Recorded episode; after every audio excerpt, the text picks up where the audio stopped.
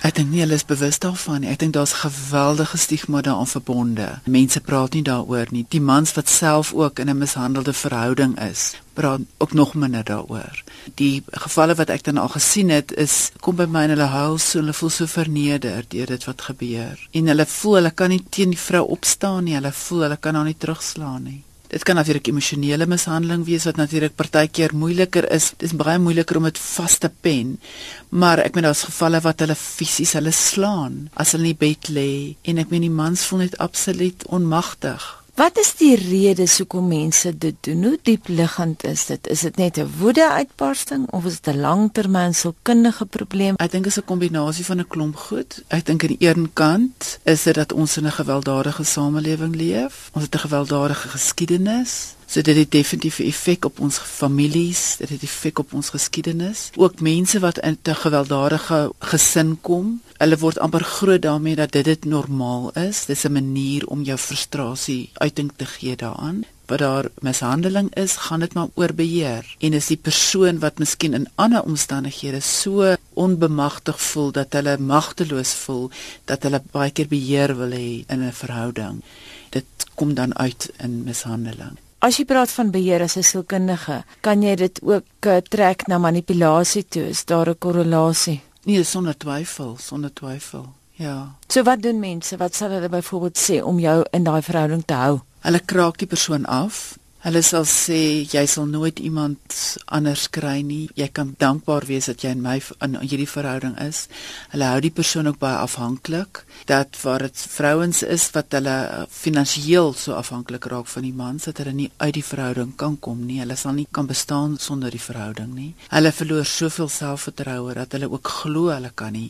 Hulle sal nie op hulle eie voete kan staan nie. En dit is wat so erg is dat hulle oor jare lank so afgekraak word dat hulle glo hulle verdien dis al wat hulle verdien. Maar jy kan daai patroon as sielkundige verbreek. Mens kan dit verbreek, ja. Hoe doen jy dit? Dat die persoon, ek dink sodra so 'n persoon dan kan kom na iemand wat hulle vertrou en wat kan begin praat oor dis wat met my gebeur, al klaar word daai hele ding verbreek, die geheimhouding word verbreek.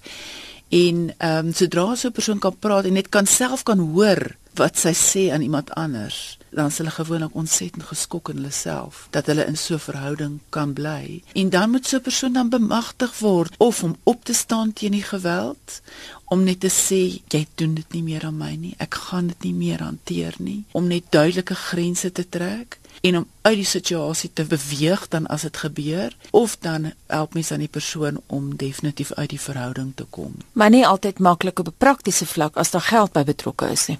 Natuurlik nie. Mens probeer na die persoon te kry dat um, hy of sy baie meer bemagtig word om miskien geld op sy te sit, om planne te maak, 'n eie werk te kry en op so 'n manier ontwikkel hulle meer selfvertroue en dan kan so 'n persoon dan uit so 'n verhouding kom.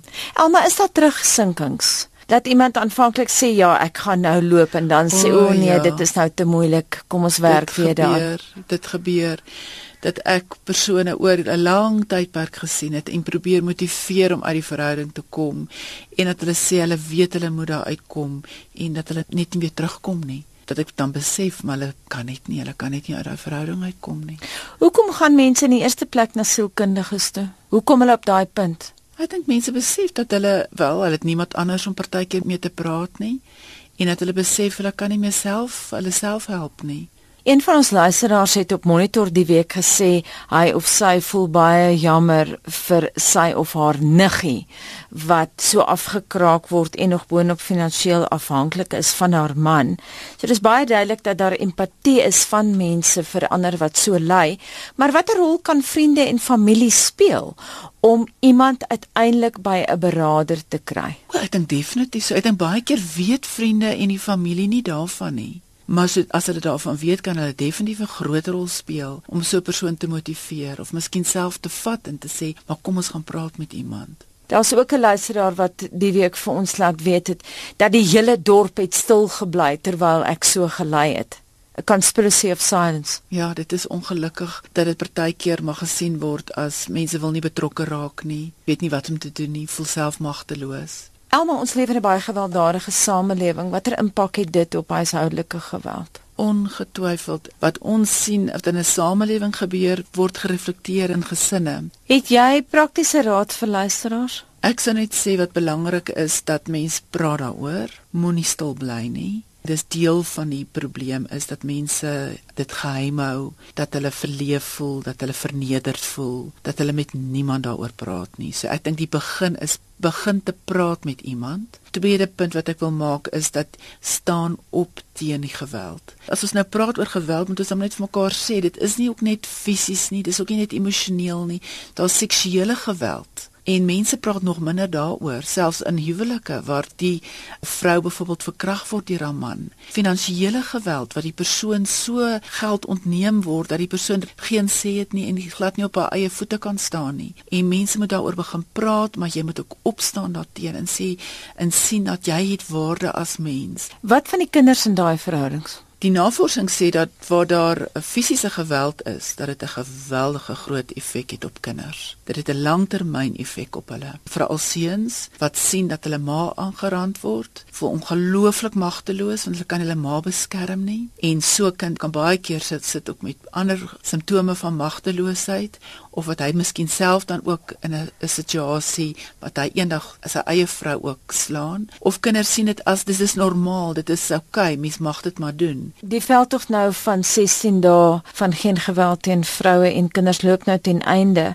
Watter nut het so veldtog maak dit regtig 'n verskil? O, ek dink definitief so. Want mense moet bemagtig word, mense moet hoor dit gebeur. Dit gebeur op alle vlakke. Enige iemand kan 'n slagoffer daarvan wees. En ek dink dit is die bewuswording is belangrik. En ek dink dit is belangrik dat vroue, natuurlik mans ook moet besef wat is die gevaartekens van so 'n verhouding. Selfs voordat mense met so 'n persoon trou of 'n langtermynverhouding gaan, is daar nog 'n gevaartekens. As die persoon vir jou eh, voorskryf wat jy moet aantrek, hoe jy moet optree, dan moet daar alreeds gevaartekens, rooi ligte vir jou opgaan. Beheer is nie goed nie in 'n verhouding. Elke mens het die reg om sy eie besluite te neem, sy eie mens te wees. Dit is definitief gevaartekens wat mens moet raak sien.